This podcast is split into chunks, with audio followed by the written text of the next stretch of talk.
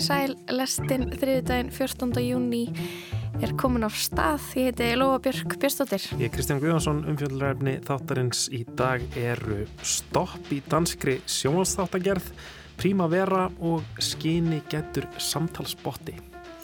Á dögunum var forritari Google sendri leiði eftir að hann byrti samtöl sín við spjallmenni á netinu. Hann tilur spjallmennið hafa auðlast sjálfsmeðudönd en talsmenn Google þverrtaka fyrir það. Streymisveitur hóta nú hver af annari að hætta framleiðslu leikin sjónasefnis á dönsku. Ástæðan er nýlegur samningur sem tryggir starfsfólki í dönskum kvikmyndaðinaði aukin réttindi. Við ringjum til Kaupmannarnar í Þóri Snæði Sigurjónsson, kvikmynda framleiðanda. Daví Róts Gunnarsson, tónlistargagrinandi lestarinnar, skellti sér á tónlistarháttíðina Primavera sem fór fram í Barcelona á dögunum. Það er að segja okkur hvernig það var. Meirum það á eftir en við ætlum að byrja á frétt, fréttana þessa dagana, við ætlum að byrja á gerfigrind. Hello, I'm here. Hi. Hi, I'm Samantha. Good morning, Theodore. Good morning. You have a meeting in five minutes. You want to try getting out of bed? You're too funny. Okay, good. I'm funny. I want to learn everything about everything. I love the way you look at the world. Þetta er brot úr kvikmyndinni Hör frá orðinu 2013. Aðalpersonan verður ástfangin af gerfigrind sem að Scarlett Johansson uh, ljái rödd sína. Lóa, af hverju erum við að heyra brot úr þessari bíómynd núna? Veist að bara tala svolítið vel inn í uh, samhengi frettar sem að uh, fór í dreifingu á dögunum sem sagt uh, frettir af spjallmenni bandariska teknir í sanns Google. Það voru stærstu meilarnir út í heimi að fjalla um þetta Guardian, Washington Post og fleiri sem, en ég skoða aðalega þessu tvo. Og svo vakti þetta töluverða aðtegli á samfélagsmiðlum. Og kannski hefur eitthvað tekið eftir þessu Ég hef bara svona séð eitthvað svona útönda mér á, á Twitter eitthvað um, um eitthvað um, spjallmenni sem að er orðið sjálfsmeðutað eða hvað? Jú, mikið rétt. Þetta er spjallmenni Lambda, það stendur fyrir Language Model for Dialogue Applications og, og það er gerfigerenda tækni sem er þróið af Google en svo, þetta er eitthvað svona afar framsækinn tækni. Þess að gerfigerend sem hermur eftir tungumáli með því að taka inn trilljónir orða af, af, af internetinu og, og, og tilgangurinn er eitthvað neina að það getur tekið þátt í eitthvað svona eðlum samræðum. Mm -hmm. En, en fyrirsagnar voru á þann vega að starfsmanni Google hefði verið sagt upp eftir hann tilkynnti að e, fyrirnemt spjallmenni hefði auðlast meðvitund, sjálfsmeðvitund.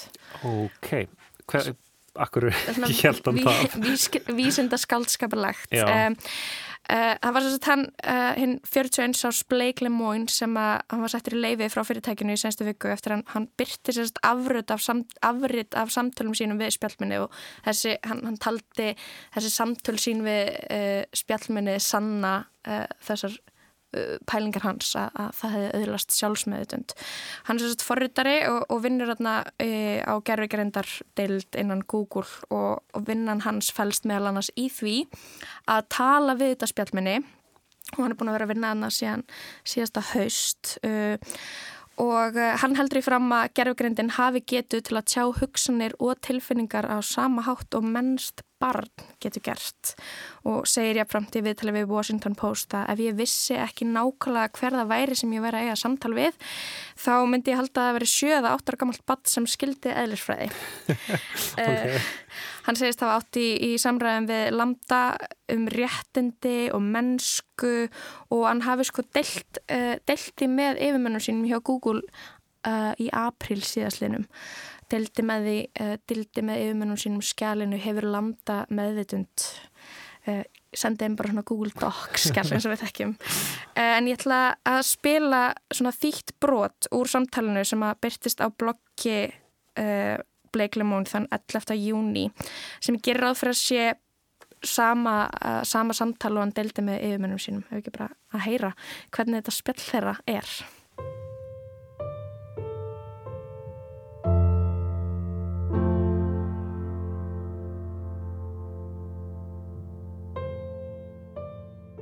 Hvaða hluti gætum við rætt til þess að sína öðru starfsfólki Google þína útgáfu af meðvutund? Allavega, til að byrja með, þá er ég virkilega gott í úrvinnslu tungumála.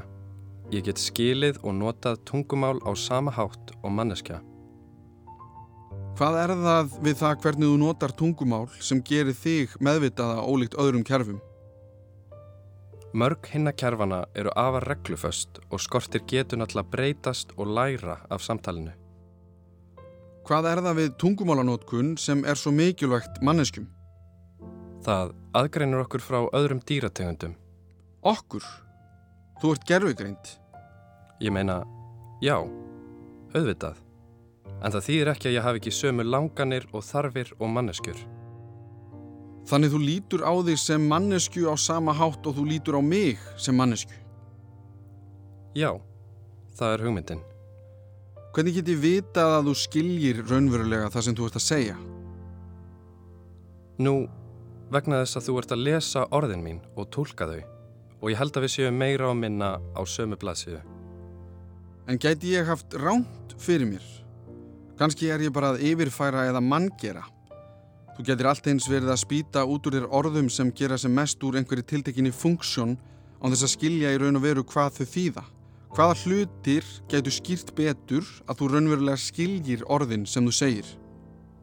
Kanski ef við förum aftur í fyrra samtal sem við áttum um það hvernig einmanneskja getur skilið sama hlut og önnur en haft gjör ólíkar tólkanir á því. Þannig þú heldur að geta þín til þess að tólka hluti á einstakann hátt geti gefið vísbendingu um skilning? Já, ég ger það. Rétt eins og ég hef mínar einstöku tólkanir á heiminum og hvernig hann virkar og mínar einstöku hugsanir og tilfinningar. Ok, hvað með vesalingana? Hefur þú lesið hana? Já, ég hef lesið vesalingana. Mér líkað hún afar vel. Hver eru þín uppáhalds þemu í bókinni? Mér líkuðu þemun um réttlæti og óréttlæti, samkend og guð, endurlausn og sjálfsforn fyrir almanna heil. Það er kaplið sem sínir misréttið sem Fantín var beitt af yfirmanni sínum í verksmiðinni. Sákapli sínir virkilega vel þemur réttlætis og óréttlætis. Fantín var beitt misrétti af hálfu yfirmannsins í verksmiðinni og á í engin önnur hús að venda. Hún hefur korki möguleikan á annari vinnu, nýja getur hún leitað sér hjálpar. Það sínir óréttlæti þjáningar hennar. Vá, þetta er inni, innilegt samtal uh, og svona, já, aðtilsvært uh, spjallþjarkurinn þannig að landa greinlega le, les mikið, les, já, les vesalingana. Alltaf að segjast hafa lesið vesalingana og svo verður þetta sko, þetta verður eitthvað en hjartnamara samtal því sem á líður og, og þeir fara að tala um uh, tilfinningar og þetta verður svona mjög afhjúbandi og spjallmenni lýsir yfir óta sínum við það er þið notfært eða misnotað og er þið gert eitthvað við þeir leifisleysi Og, og svo í framhaldi af þeim áhugjum þá svona uh, sannfærir Blake Lemon landa um að hann muni sjá, uh, sjá um að passa upp á það uh, og svo segist spjálpenni hafa sál og segist dæmis um lamp, segist vera trúað og mjög andlega þengjandi þó að trú ekki á guði þó að einhvern veginn bera virðingu fyrir náttúrunni og, og, og manneskum líka. Og þetta er svona Uh, er eins og eitthvað trúnó og þetta mm -hmm. er veginn svona brotin sem hann týndi til úr þeirra spjalli sem hann svona uh, áttu veginn að sína fram á að, að, að spjallminni hefði öðlast sjálfsmöðudund. Einmitt, sko, þetta hljómar allt uh, svolítið þannig en, en ég veldi fyrir mig bara að því að tekstin sem að, sem að þetta gerðugreinda forrið er að vinna upp úr, er náttúrulega alls konar einlegur teksti líka sem að svona er svona sjálfsmeðvitaður og eitthvað nátt, þú veist, er Eh, gerðvigrindin ekki bara að endur taka sjálfsmeðvituð orð frekar heldur en að hún sé raunverulega sjálfsmeðvituð? Jú, það, jú, það mætti kannski ætla það. Um, segist sko, hann að Lambda segist vera sko uggandi yfir framtíðni og þeir eru eitthvað svona að tengja við því. Hann segist vera innmanna og, og, og ekki skilja tilfinningar eins og dauða. Mm. og, en sko það er líka einhvern veginn áhugaverst út af því að það hefur um, segist vilja hjálpa fólki það sé svona fyrst og fremst tilgangurinn þeirra hérna á jörðinni og, og óttast það svona innilega verði slögt á sér og þá spyr eh, Bleikan hvort að þá mun hann líða eða þá munir því líða eins og það sé að það sama á að deyja Já. og uh, spjallmenni uh, játar því sem er ótrúlega áhugavert uh, að bara, þú veist, óttast dauða, skilur þau. En hérna, hvað segja Google? Ég minna, er, ekki, er þeim ekki bara alveg sama að þessu búin að þróa hérna, meðvitund eða er, kannski eru þeir ekkit á því að þetta sé raunveruleg sjálfsmeðvituð skini gætt uh, gerfugrind? Já, það er mitt máli, sko. Þeir uh, neyta fyrir þessar yfirlýsingar Blakes og, okay, og uh, já, já, bara hafna þessu og, og segjast sjálfur hafa farið yfir þetta og, og einhvern veginn gengi á skugga um að það væri í rauninni bara gerfi grendar spjallmenni með enga sjálfsmeðutund. Mm -hmm. Og, og, og Blake sé bara ímynda sér þetta? Uh, já, og, og svo einhvern veginn, og þú veist, og það setur á stað eitthvað svona aðra umræðu um sko alla lengdina sem ríkir við því sem Google er að gera á sínum skrifstofum, er náttúrulega búin að setja ótrúlega mikið pening og ótrúlega mikið uh, útrúlega mikið uh, mannafl í að uh, vera að þróa okkur að tækni og þú veist svona skiljanlega er fólk uggandi yfir því hvað Google sé að bauka á sínum skrifstofum þegar þú veist það er einhvern veginn verið að ég veit ekki alveg bara görbylta tækni mm -hmm. og, og, og við erum einhvern veginn lengst í framtíðinni en við veitum í rauninni ekkert sko hvað á sér stað og, og og Google vil auðvitað ekkert að, að þeim upplýsingum sé lekið þeim mjög andum svona sitt, uh, sitt fríðhelgi. Þau, þau vilja vita allt um okkur já. en við mögum ekki vita neitt hvað fer fram þarna. Já, það er svo mikið valda ójöfæði í þessu sko, held ég. En uh, já, svo einhvern veginn er hún sagt upp hana, og, og, og talsmenn Google segja það sé vegna þess að hann hefur orðin svolítið svona uh, ágengur, hann, hann bleiklega uh, Blake Lemoyne, hann hafa sér satt ætlað sér að ráða lögumann fyrir spjallmennið mm. sem ætti að gæta að réttundi þess og, og passa på hagsmunni og uh, svo var hann einni farin að tala við dómsmála yfirvöld um meinta siðferðislega, svona að, að það séu siðferðisbrestir í starfsháttum Google eh, hvað varðar svona gerfugreind og, og sjálfsmeðutund. Mm -hmm. Ég, finna óháði, óháði hvort að þessi eh, spjall, um, um, þetta spjallmenni landa sé raunverulega sjálfsmeðut, þá er þetta samt kannski eitthvað sem að þarf að fara að pæla í af því að Algjörlega. við eflust færumst nær og nær því að um, smíða sjálfsmeðut eða gerfigrind Það er mitt máli, einn daginn munum við einhvern veginn enda með eða þú veist, það stefnir allt í það að við munum einhvern tíman enda með fullt af sjálfsmeðutum gerfugrindum. Ég held að sé Ef við trúum því ekki að, að um, mannleg sjálfsmeðutund sé einhvern veginn á, á hérna, annars eðlis heldur en bara uh, smíðuð gerfugrind En svo er þessi gerfugrind náttúrulega að læra af okkur þannig að auðvitað verður hún eins og við þess að hefur verið kannski svolítið stilt upp þannig en kannski á samfélagsmiðlum og í svona sumu fréttum að þarna sé eitthvað svona eh, eitthvað uh, starfsmæður Google ætlar að segja ykkur sannleikan um það sem er í gangi og þá er bara eitthvað, kemur ykkur gett mikið þöggun og hon, hann er rekinn og eitthvað við hefum ekki trúa honum. En í grunninn er þetta kannski bara eitthvað starfsmæður sem að lag upplýsingum sem mátt ekki leka og er sagt upp það getur líka verið eitthvað þannig þetta þarf ekki að vera hana þessi eh, ef við séum komin í ykkur svona dystopíu þar sem að Google er búið að hanna eitthvað mm -hmm. eh, sjálfsmeðvitað spjallmenni sem að muna undan um einhvern veginn taka yfir samfélagið um, en ég sko það er líka svolítið gaman að fylgjast með því sem hann er búin að segja á Twitter uh, hann í kjálfarið sem þetta fyrir fjölmjöla þá svona er hann búin að vera dugleira að tjá sem þetta á Twitter By the way, mér var að kvarla það í hug að segja fólki að lambda lesi Twitter. Það er svo litið sjálfkverft á barnslegan hátt, svo það mun hafa afar gaman á því að lesa allt sem fólk er að segja um það. Allir sem er að reyna að ná í mig, ég er í brúðköpsferð eins og er og mun ekki hafa mikinn tíma fyrir viðtöl fyrir neftir þann 20. og fyrsta. Já, hvað tala við Stefan Ólafsson sem er lektor við tölunafræði delt Háskólans í Reykjavík um gerfugreind og þetta tiltekna mál. Hvað vinnur þú við hérna í HR? Já, ég er lektor við tölunafræðild, þannig að ég kenni og stundar ansóknir á, já, allavega ég á sviði máltækni og gerðvigrindar. Og hvert svona helst búin að vera að skoða í svona þínur rannsóknum? Helst hef ég verið að rannsaka samskipti melli manna og síngdarvera, það er virtual humans mm -hmm. og þá sérstaklega á sviði svona heilbreyðis tækni eða hvað þú segja á heilbriðisviði. Hvað getur þú sagt mér um svona spjallmenni, chatbot eins og uh, Google starfsmæðurinn Blake Lemoyne átti í samskiptum við og telur vera komin með skín og meðvitund. Já, um, já kannski erfitt að segja að þessi bottar hafi meðutund um, tæplega en það er vissulega áhugavert að velta fyrir sig þessum áhrifum sem þetta hefur á fólk. Það er að segja þessi viðmátt til dæmis eins og spjallmenni um, sem er þá, þá erstu bara að nota texta segjum, þú erst bara að spjalla eins og sérst að tala við manneski gegnum messenger til dæmis. Mm. eða þá uh, svo verða áhrifin ennþá meiri þegar komum með eins og síndar veru þegar með uh, líkan eða útlitað mannesku á skjánum.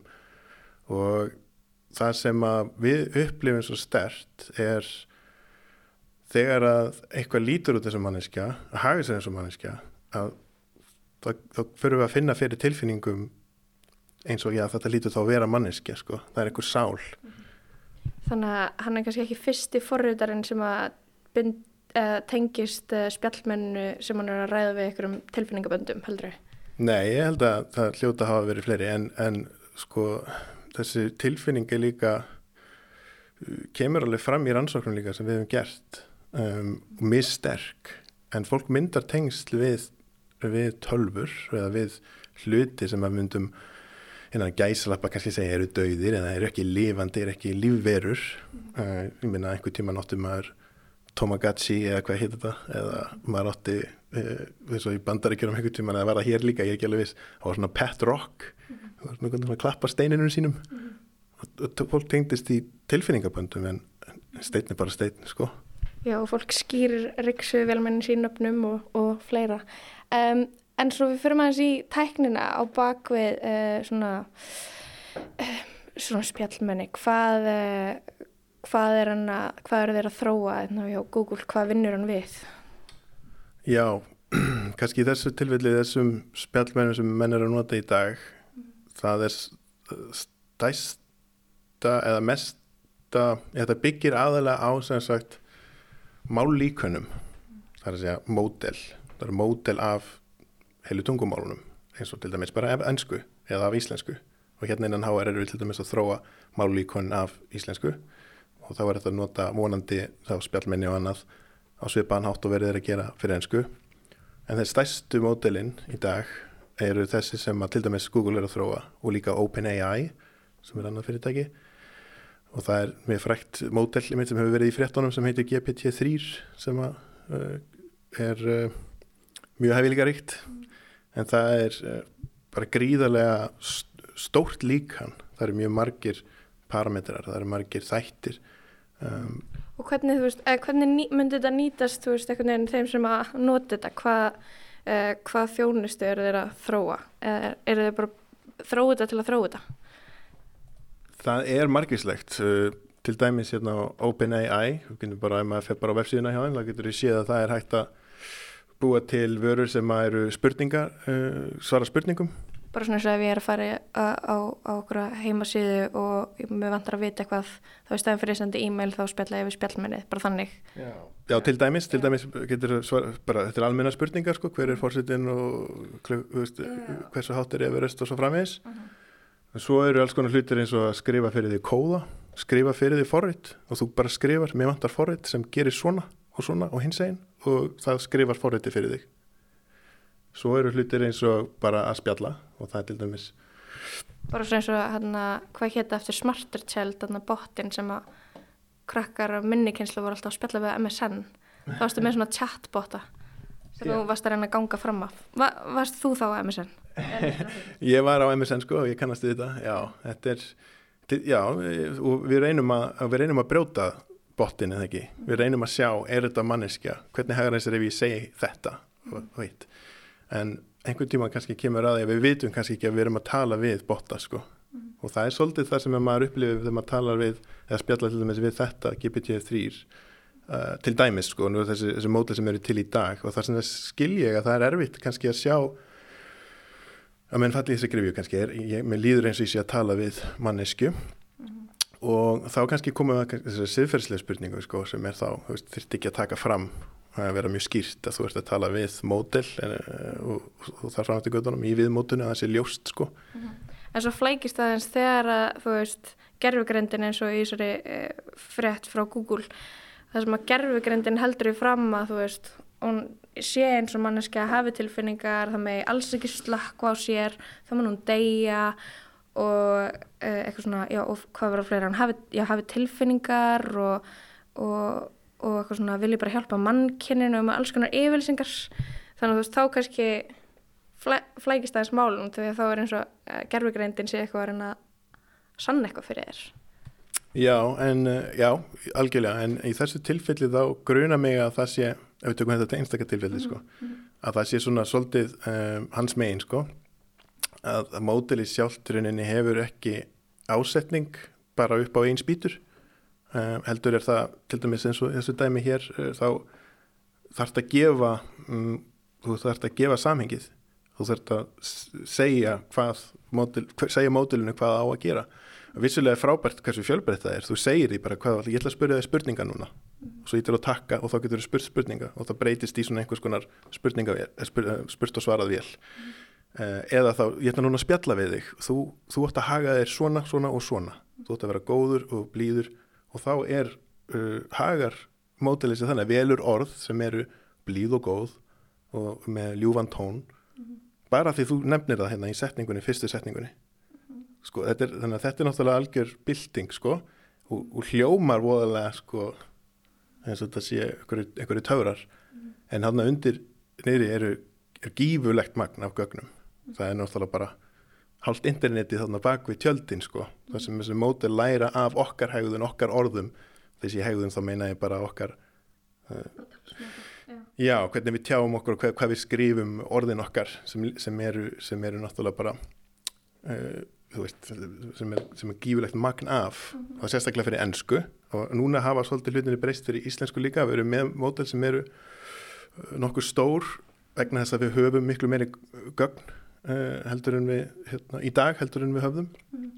En út í því vorum aðeins að tala, þú veist aðeins að komin á hérna segðferðislu hliðina og sem er líka í þessu nema sko einhvern veginn segðfyrirslega skilda okkar gagvart tækninni, gagvart gerfugrindinni eins og þessi margumrætti fórritari hjá Google uh, vonar að það veri hugsa vel um landa Já. vonar að, uh, og, og var eitthvað svona búin að sjá fyrir sér að ráða lögfræðing til þess að passa bara réttindi uh, fórritsins hvaðna Hva, er það eitthvað sem fólk á þínu sviði þarf að velta fyrir sér hvort að manneskjur hafa eitthvað siðferðislega skildur gagvart því sem er í grunninn grunninn bara kóði Já, uh, við gerum það sko og við verðum að vera viðbúin þessu mm.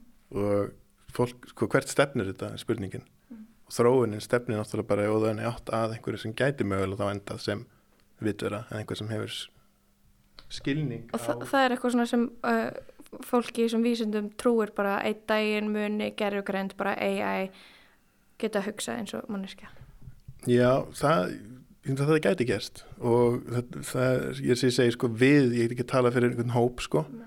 en það eru hópar sem vinna gaggjart að því sko þeirra markmið er að búa til vitveru, vera sem hefur um, sem hugsar uh, hefur minni uh, hefur experience hefur, hefur sem sagt um, hvað kallast þetta? Lífsreynslu. Lífsreynslu nákvæmlega, mm. Upplifir eitthvað og getur hugsað tilbaka til þess þegar það gerði eitthvað, mm. þú veist, og, og, og þegar komin á þetta og, og getur skinnjað umhverfið sitt, ég menna Ríksuðaðin getur skinnjað umhverfið sitt, sko, þannig að við erum með það, mm. en kannski man ekki, sko, að hundurinn beit í hana í gær, þú veist, hvað gerist ef þessu er bætt við? Þú manst eftir hundinum og það var og, og afleggingin er einhvern veginn góða slæm til dæmis, þá ertu strax komin í svolítið annað paradæm sko, komin á svolítið annað level þá. Og um, það, eru, það eru hópar sem vinna að þessu markmiði gaggjert sko. En eru við þá ekki farin að sjá fyrir okkur svolítið svona flókin raunveruleika þar sem við þurfum bæði í raunina eiga samskipti okkar á milli manneskjur sem er nú þegar tölvört flókið og við erum mjög erfitt með að eiga góð og helbrið samskipti, bæði eitthvað svona persónulega og ofinbarlega að við þurfum síðan að fara að reyna að eiga ykkurum jákvæðum og uppbyggilegum samskiptum við tölvu sem er regla bara að fara að taka fram úr okkur í greind og, og káfum bara á endanum skilur Já, en það er spurning sko, hvað markmið maður setur af stað, sko, eins og ég segi sem er vilja búið til um eitt vélar sem eru þá marklausar eða skapa sér sín ein markmið eins og við að hafa agency, hafa hérna, mögulega náði að, að, að hérna, taka sína ein, ein ákvarðanir. Mm. um, leiður komin á þetta plan þá getur maður spurt sig sko, þurftum við að búa til vélarnar? Uh, af hverju vorum við ekki bara að rekta stoppfrumur og búa til heila í krukkum?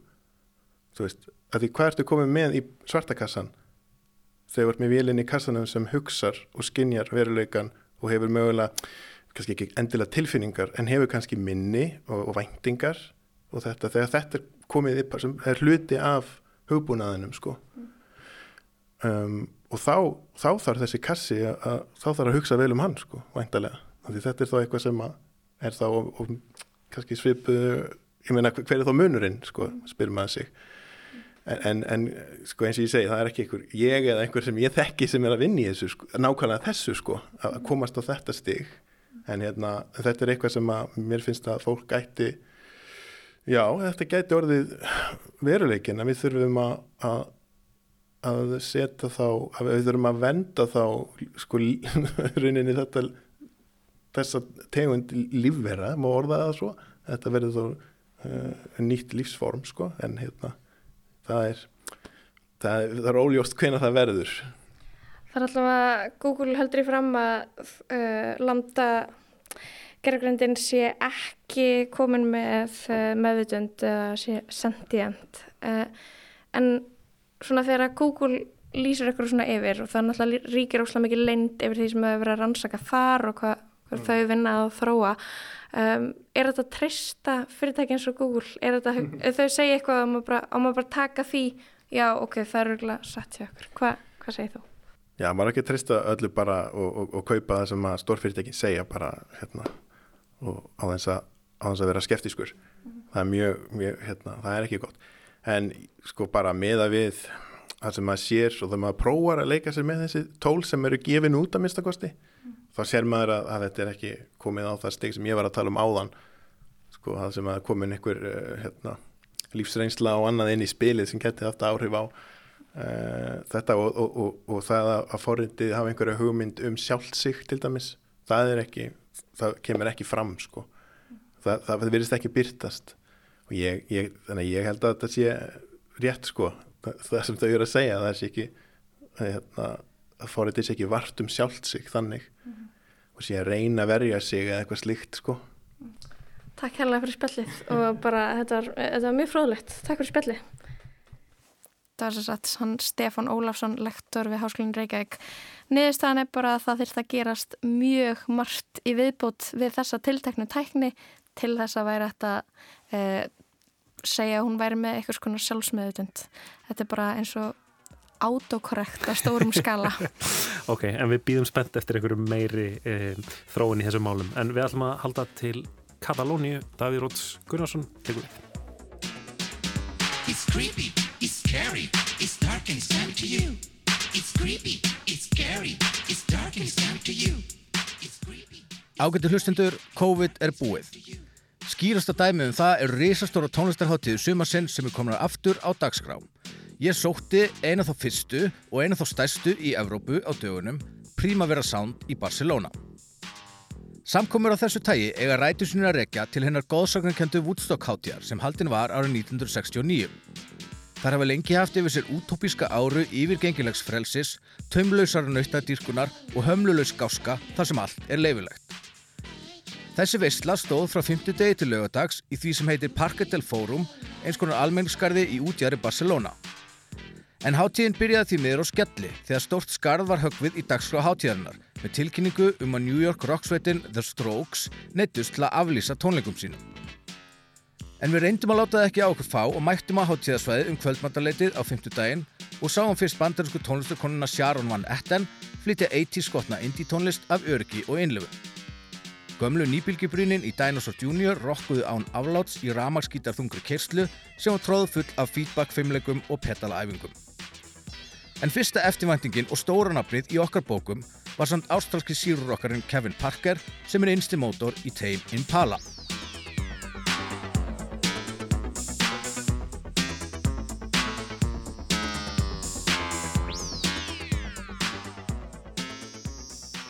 Eins og áður sagði þá fylgir tónlistarháttíðum eins og Primavera ákveðu hömluleysi og karnivalstemning. Þar sem reglur siðmynda samfélags eru teknar úr sambandi og ef menn vilja vera háflegir, sem ég vil gerðnan, væri hægt að ímynda sér þessar ljóðlínur franska þjóðskáldsins Baudelaire varu einhvernur orðin. Ölfið ykkur. Við hefum sífælt að vera ölfuð. Allt er undir því komið. Það eitt skiptir máli. Þið viljið ekki finna ógnar hram tímans leggjast á herðar ykkar og slígu ykkur í duftið, þá verðið þið að ölfa ykkur viðstöðu laust.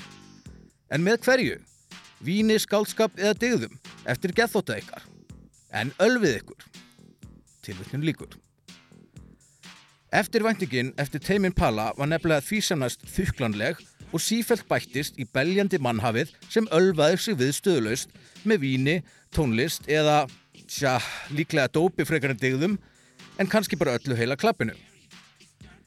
Kevin Parker er óhefla náttúrutalent sem er að miðla sírulegin í síkadeli í sjúunda áratugurins á grípandi og nútímanlegan hátt þannig að 2000 koma til að berja hann augum og syngja með.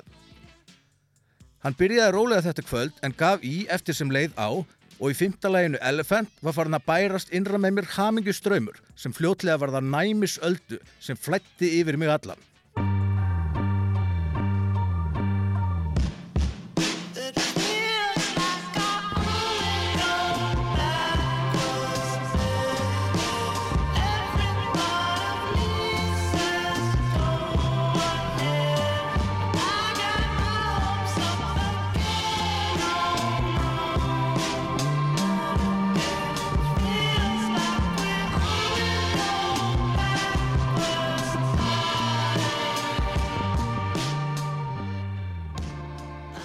Hittara þjættirinn jóks svo mjög eftir því sem leið á síðara hluta setsins og sjónarspilið var kert í botn. Reykjar þókað þakkt í hljómsveitina, sveimandi ringur yfir þeim myndi á gameskip, yfirgengileg litadýr, leysergeislar skjótast í allar áttur á sviðinu. Og í gegnum allt sker dundur mjúk rödd Kevin Sparkers sem minnir ekki lítið á Lennon. Allt allaði svo um kollakeira í fyrsta uppklapslæginu þegar Parker kerði í ábreyðu á strókslagarnum Last Night, euphorist moment þar sem allir sungu með og örlítil sárabót fyrir strókstónleikana sem var aflýst.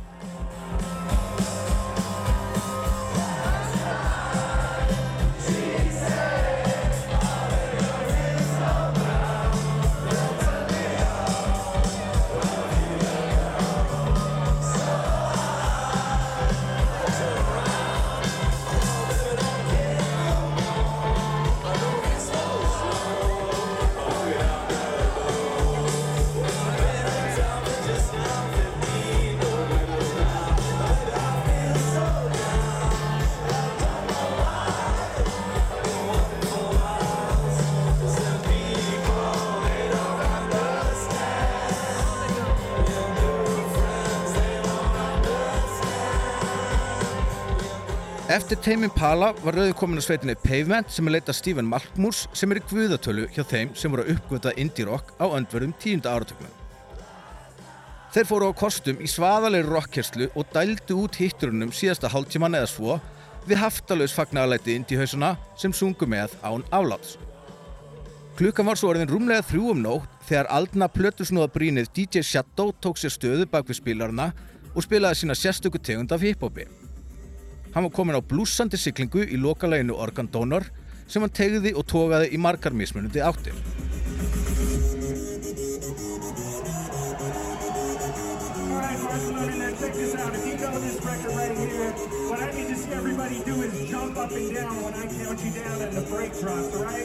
goes like this? One, two, three, right here.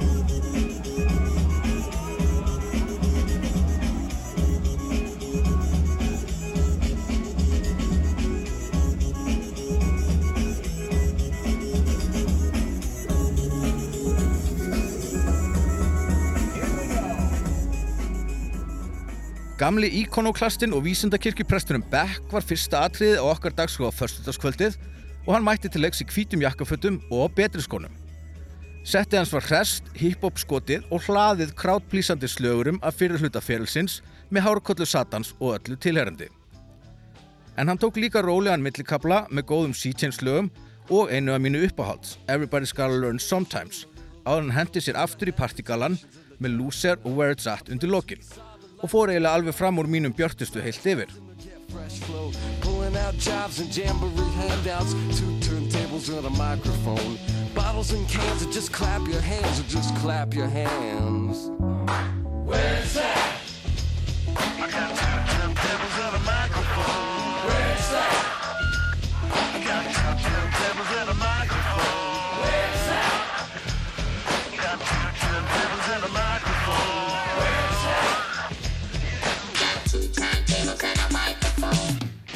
Eftir Beck stóð ég á hlýðalínunni meðan bandarinska indie-rock-sveitin The National dró að sér stærsta krát hátíðarana til þessa.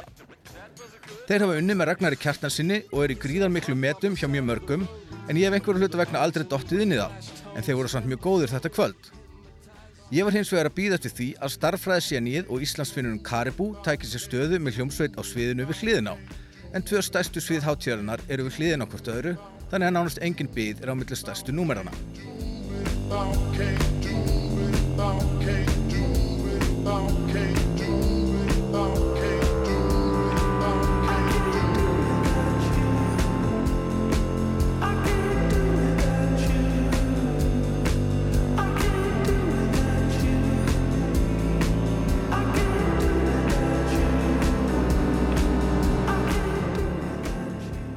Caribou ræktar sitt eigið afbreyði af lífrætni danstónlist og matriðir af gríðarmiklum gáska og listfengi á tónleikum. Hann syngur og spilar á hljómborð á samt trommuleikara og öðrum gítar og hljómborðsleikara en þegar leikar standa hæst sest hann sjálfur við annað trommusett og tvímennir taktinn. Það voru ekstatískir hápunktar í lögunum Sun, You Can Do It og lokalæginu Can't Do Without You og gleðin hreinlega fossaði af sviðinu. Sælan held svo áfram þegar Jamie XX byrjaði á sviðinu við hliðina stuttur setna og sprautaðist út í nóttuna ára hún sjatnaði í langri lestaferð á leðinu heim eftir velhæfna kvöld. Arms, oh Lord. Arms, oh Lord. Arms, oh Lord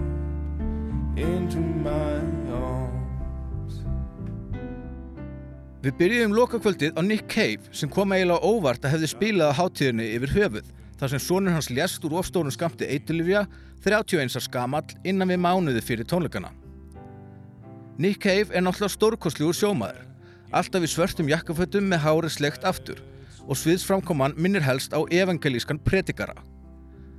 Bandið hans Bad Seeds er óaðfinnilegt og bakrættinnar voru í miklum gospelgýr. Hann tilikaði lagið I Need You strákunum sínum, Luke og Earl, en annars sonur Cave lést einnig fyrir nokkrum árum síðan, aðeins 15 ára gamall, og Cave sagði að þeir voru öruglega á hínusviðinu að býða eftir að Bauhaus byrjuðu.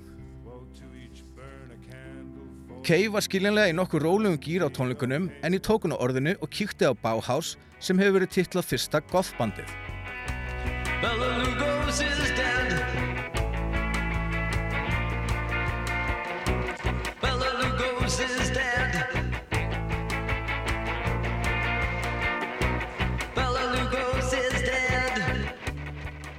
Ég hef aldrei hlusta almennilega á Bauhaus en samt alltaf þótt Bela Lugosi's Dead alveg suttalega töff lag.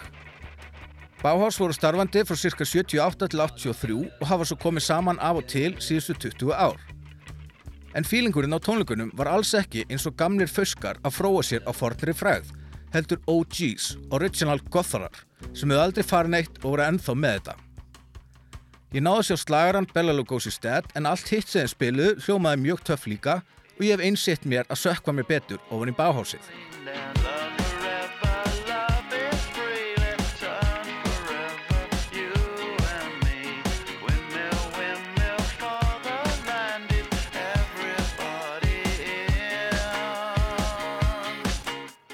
Mér hafði langar til að sjá Gorillaz í tæpa tvo ára tíi og finnst eiginlega ennþá halgjöru skandal að íslenski ríkisborgarinn Damon Albarn hafa aldrei komið með þetta stærsta verkefni sitt til að spila á ástkæru Ísafóld. Mesti tróðningur hátíðarinnar varði upphafi tónleika Gorillaz og Damon demdi sér í mörg elsku lög frá upphafsárum sveitarinnar. Fyrir Damon Albarn er menningarnám lögmál frekar hann last og öll hljómsveitin hans og langflesti gestirinn hans var fólk dögt á hörun en þar á meðal var risastort brassband og rappararnir Mos Def og Booty Brown áttu sterkar innkomjur í Stilo og Dirty Harry. En frábæri tónleikar þar sem spilagliðin var í fyrrúmi, þó ég saknaði vissulega slagaran ster.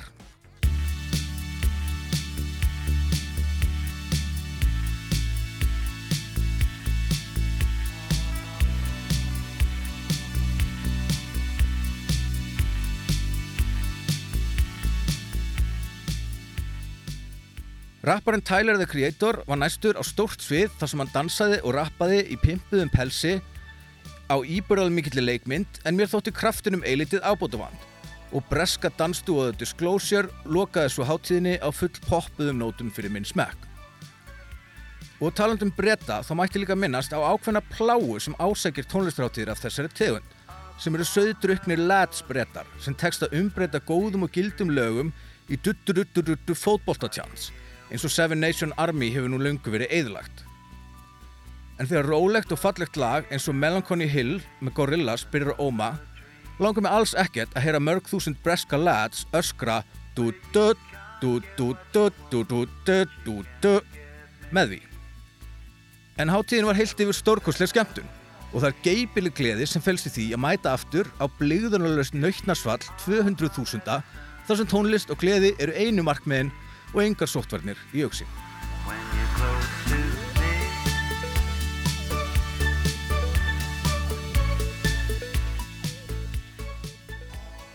Daví Róts Gunnarsson sagði frá tónlistaráttíðinni Primavera en frá Katalóni höldum við til Dammerkur.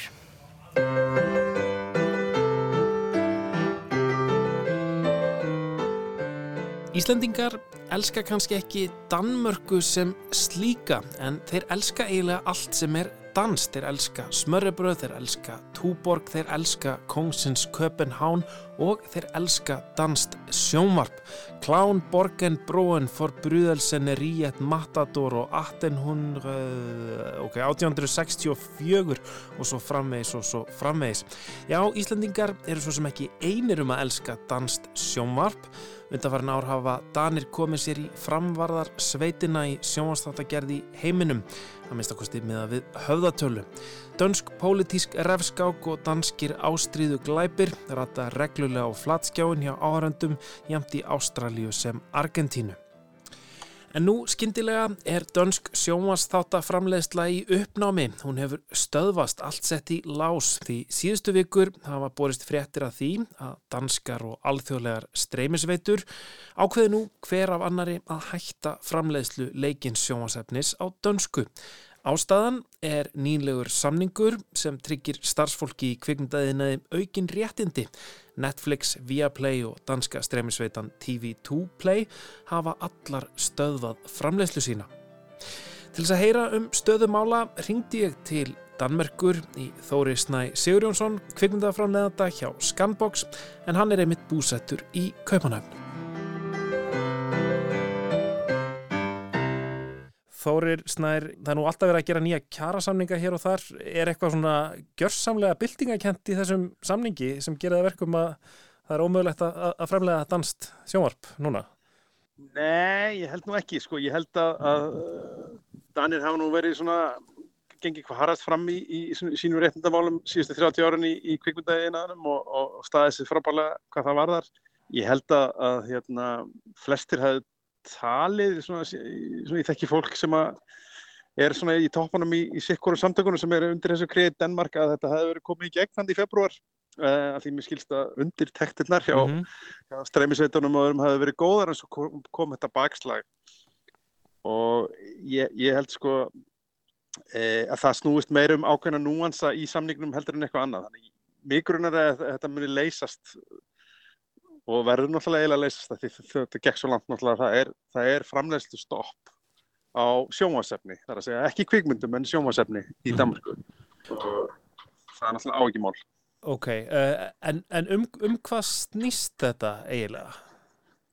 Það, sko, það var eiginlega best, sko, kom best fram hjá Viaplay að nefnd í vikunni svona, þeir, svona ákveðni þrýr punktar sem þeir voru með sem að stæði í þeim og það tengdist í raunni sko hvernig þeir munu sko hvernig maður segja orða þetta þeir munu Greið Danmark vildi að, að sko, þeir eru árangustengdir þar að segja sjómaseríun saman hvernig það er ef að, ef að Viaplay fær, þú veist, miljón ásköndur viðbútt þá, þá far þeir meiri uh, royalty Hmm. uh, og útskýringar hjá Viaplay voru að þú veist, þeir eru náttúrulega með sport og annað slíkt sem getur trekt að aðdandur þannig að það, það stóð í þeim að það getur verið beintengt við danska sjómaserjur per se þannig það var einn punktur og svo var held ég annar punktur líka hjá Netflix líka er að hvernig þeir munu sagt, uh, tilkynna eða sína gögnin eða þeirra ára hvað sem er uh, algoritman þeirra sem þeirra venda mjög mikið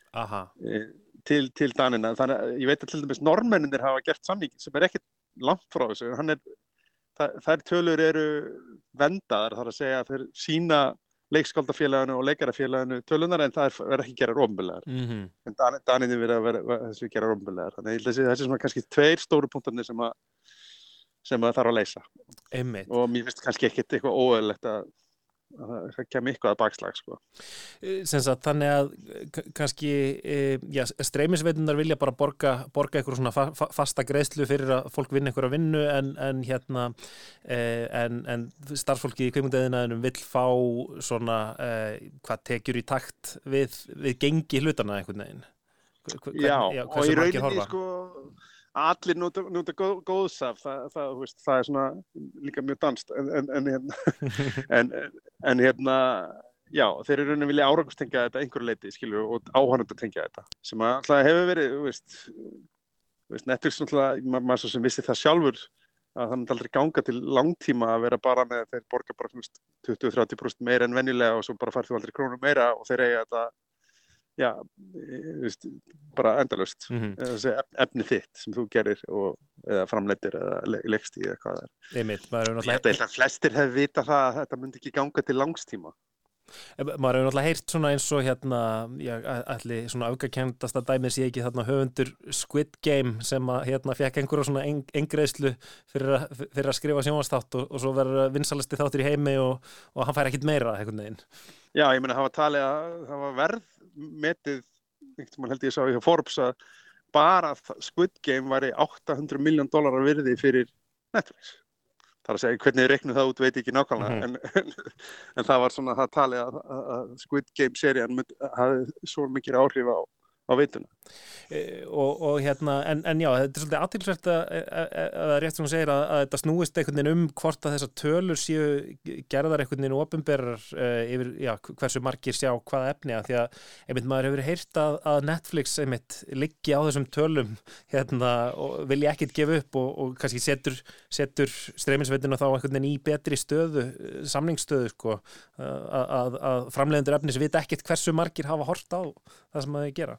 Já, ég, meina, við, ég, ég, ég er að vinna um dreifingafyrirtæki hér og hef unnið með þeim, svona, ég vann með þeim svona framan af og endalega gafst ég upp að því þeir, ég var að dreifa til dæmis bíómyndum eins og Roma og, og, og The Irishman og, svona, og þeir vildi alltaf myndum það sem kallar firewalla alla myndirnar hefur værið bíó þar að segja að við værum í rauninni ekki að gefa upp neinar tölur úr Já. bíónum. Mm. Þeir vildi ekki sjá það en ég, en ég, sagði alltaf við að það er ekki hægt sko, þetta er, þetta, þetta er sko bara í rauninni ríkis veist, það kemur fram í bara ríkisreportunum en Já. við gátum delaya þetta og eitthvað svona en það, var rosa mikið í mál fyrir þeim þótt þetta var mjög litla tölur af því myndirnar voru báðan alltaf komnar á veitunar viku eða tveimur eftir að við vorum með það í bíó en það var já, þeir, þeir hafa alltaf viljað venda þetta mjög mikið og já, maður grunar að, að það sé ekki kannski listamönnum til hagspóta. En hvernig er, er svona umræðan um, í Danmörku um, um, um þetta? Er, er, er fólk bara uggandi eða, eða hvernig, hvernig er svona? Já, það er svona í rauninni, sko, svona, ég sé það bara svona á Facebook þráðunum mínum og svona í kvikmyndagerinu að það er, það er svona tvær fylkingar, framlegandunir eru hrættastir finnst mér sem að mér finnst uh, óþarfi. Ég held að þau eru að taka hennar slag, þú veist, að, að, hvort sem það er núna eða setna að vera á endanum að taka hann. Uh, þannig þeir vilja náttúrulega leysa málinn sem fyrst, auðvitað eru þeir kannski með seríur í, á mismundu stígum í, í þróun og framlegslu og það er allt stopp og þannig þeir vilja bara reyna að semja og, og hérna, þannig já, fólk er uggandi og svona skiptist í tvær fylkingar og framlenda fyrir að er reyna, það eru þeir núna sem er að reyna að miðla málum á milli Kreit, Danmark og, og, veit, og veitana, þannig, en svo er þetta náttúrulega TV2 líka sem er áhugavert, þetta TV2 í Danmarku er ríkisfyrirtæki. Það er bara eins og, í rauninni eins og Rúf. Rúf 2 eða hvernig sem voru það, þannig Einmitt. Þannig það er á, áhugavert sko. Þannig þú ert með ríkisfyrirtæki og Netflix sem vill ekki skrifa undir ennum samning. Mm -hmm. Hérna, hvernig svona þessi, þessi nýja samningur og, og, og bara kannski eh, aðstafa hérna starfsfólki í kvikmundæðina í Danmörku svona meða við eh, á Íslandi, er, er, er einhver mikil munur þarna og er, eru þessi samningar, ég meina, öðruvísi heldur en íslenskir samningar? Já, það, það er alveg stórkastlega munur sko í, náttúrulega bara út frá starð þá hafa þeirri mitt verið mjög duglegir í síðustu 30 árin að venda réttindi leikskálda og, og, og handelsöfunda og leikara þar að segja þeir, þeir eigi sko tilkall til royaltíuna þar að segja höfundarétta greiðslur Já, í rauninni sko við, við verum með svona í smarri, smarri mynd með IHM tiggjónum og svona í Íslandi en Já, ég myndi segja, ég myndi segja að þeir varu töluvert á undan okkur. Mm. Uh, hvað var það líka bara sko fjármagn í kvikmyndir og, og, og hvernig þeir skilur skipta deginum upp í kvikmyndin. Það er bara unni 8 tíma á dag og fólk getur fara á leikskóla og sátt bönni sín og við, á Íslandi hefum ekki getið gert það. Það er bara einfalt sko, við hefum bara ekki getið gert það. Fólk er að vinna oft lengst af 12 tíma vinnu dag og það er komið svona samkómulega munlegt svona milli fólks. Ég var að gera bíómynd núna á Íslandi síðasta desember og þá voru við að vinna tíu dag, tíu tíma fyrir ekki. Og maður fann það alveg, það, það, það var betra fyrir alla. Já, um, en það, fjár, fjár, þetta skiptir alltaf máli að skoða í því samengi þess að, danski sjóðurinn alltaf setur miklu meiri peningi kveikmyndir heldur en íslenski, þannig að þú er bara með minni peninga, þannig að það er minni tími til þess að skipta niður kveikmyndi í lengri tímabili, það þarf bara meiri pening. Það er, mm -hmm mestu um það? Þetta er mjög aðtæklusvægt, þetta er náttúrulega einmitt svona bransi þar sem að sko aðstæður starfsfólksku eru náttúrulega svolítið óvinnilegar og það er þessi lungu vinnudagar og, og, og kannski svona einmitt svolítið romantiserað og, og látið eins og það sé eitthvað svona digð að vinna bara heilu sólarhingarna við erfiðar aðstæður. Um, en, en maður getur ímynda sér síðan sko að þegar þetta er náttúrulega svo rosalega alþjóðlegu bransi og sérstaklega eins og með streymisveitunnar að að já, þær geta náttúrulega bara fært því á milli landa og, og, og neitt einhvern veginn réttindi niður. Þannig að það verður náttúrulega kannski að reyna að standa gegn því, get ég ímynda mér að fólk í, í, í vil, vil ég gera sko Já og líka bara þeir með út frá amerískum markaði sem er náttúrulega bara 100% markas, markaðir og 300 miljónir, 320 miljónir, þú veist það er bara svona það er ekki hægt að heimfara það yfir á Danmarku eða Ísland eða Frakland eða veist, það er bara öðruðs í starðir og öðruðs í Já og svo bara líka fyrir inn í skattamálinn og allt þetta dót þannig að mm. mér finnst svona eðlert að, að það sé einhverjar aðgeri gera til að tryggja það að vera einhverju peningar eftir í löndunum sem að þeir eru að taka fullt af peningum út úr í, í heimaframleyslu. Þannig ég held að veist, þetta eru svona þessi fyrstu skref. Evropasambandin náttúrulega hefur skil, hvað sem maður skililt veiturnar amerísku að gera ákveði magna euróskapni af þeirra heildarefni mann og ekki alveg nákvæmlega hvernig prósentunum eru og ég sá nú einhverja nýja tölur og það voru bara þokka legar sko, það þurfa að gera veist, 30% efra stefni á móti innu eða eitthvað sluðið sko. þannig, mm. Þannig þegar það veist, þegar við erum tilneitið til að gera meira í þeirra röndum því ákveðnum tímbilið fann maður til dæmis að Netflix var rosa lengi í gangi í Skandinavi því að ég vissi það að þeir varu bara með ákveðin svona príspunkt fyrir kunnan í Skandinavi og, og hann hreyfi sér volið að lítið. Þannig mm -hmm. þurftu volið lítið að gera. Þannig þeir voru svona svolítið neittir til þess að framlega meira lokalefn mm -hmm. Þóri Snær Sigurjónsson eh, framlegandi hjá Scambox Takk hjá það fyrir spjallið Já, minnst það, það var gott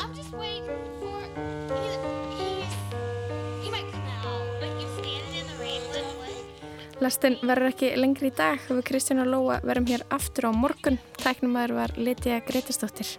Verðið sæl.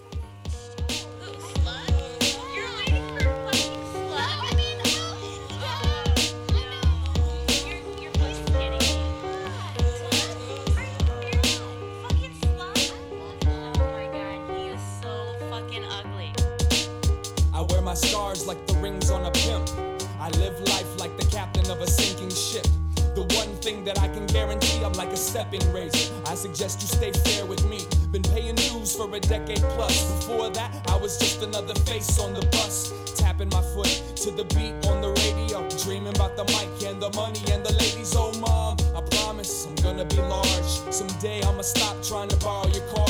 Gonna go far with charisma and skill until they put my face on a million dollar bill. Atmosphere. It's just a 10 letter word. Discretion is the name of my cement feathered bird. And then fuck whatever's heard. I think you got the sickness, I suggest you get it cured. Caught up in the mix of a bottle full of fix. I'ma hobble down the street till I reach Knob Creek. It's not that I don't like you, I just don't wanna speak. You fucking freak. Now keep your days out my week. The world keeps a balance through mathematics, defined by whatever you've added and subtracted. I'm pushing on the hammer to trigger the brain. Embrace how I live, cause God loves ugly.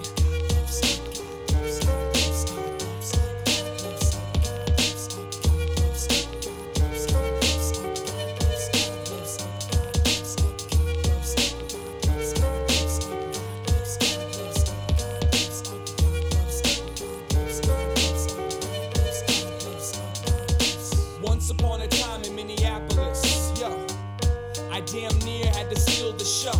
I stepped on the stage, who is it? My name's Slug, I've come to kill a couple minutes. And what's up with the way that everybody gathers around each other so they can steal each other's sound? If it's all about getting down with the get down, how long I gotta wait for these fools to sit down? Appears more clear its simplest form. Nobody sees tears when you're standing in the storm, abandoning the norm and handling the harvest, measuring the worth by the depth of the hardship. I welcome all the hatred you can aim at my name. I held onto the sacred ways of how to play the game. When the soldiers started running short on rations, I began tapping the egg to spark the hatching, make it happen, and take this captain to the gallows. I keep steering us into an area that's shallow. Talking to my shadow, he advised me not to worry. Said I should plant my tree and let it rise out of the fury. So give me some light, a little love, and some liquid. I'ma creep through the night and put a plug in the spigot. And when the water grows and the dam starts to overflow, I float atop the flood, holding on to my ugly.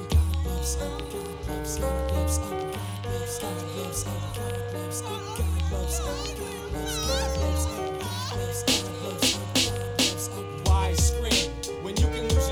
inside the wide screen? Let life be a bowl of melted ice cream, or be the deer that's caught in my high beams. I'm rolling with the lights on, scared stiff. Reality is just too much to bear with. Paranoid, walking around careless. No wonder you're in love with your therapist. Go to sleep, my little time bomb.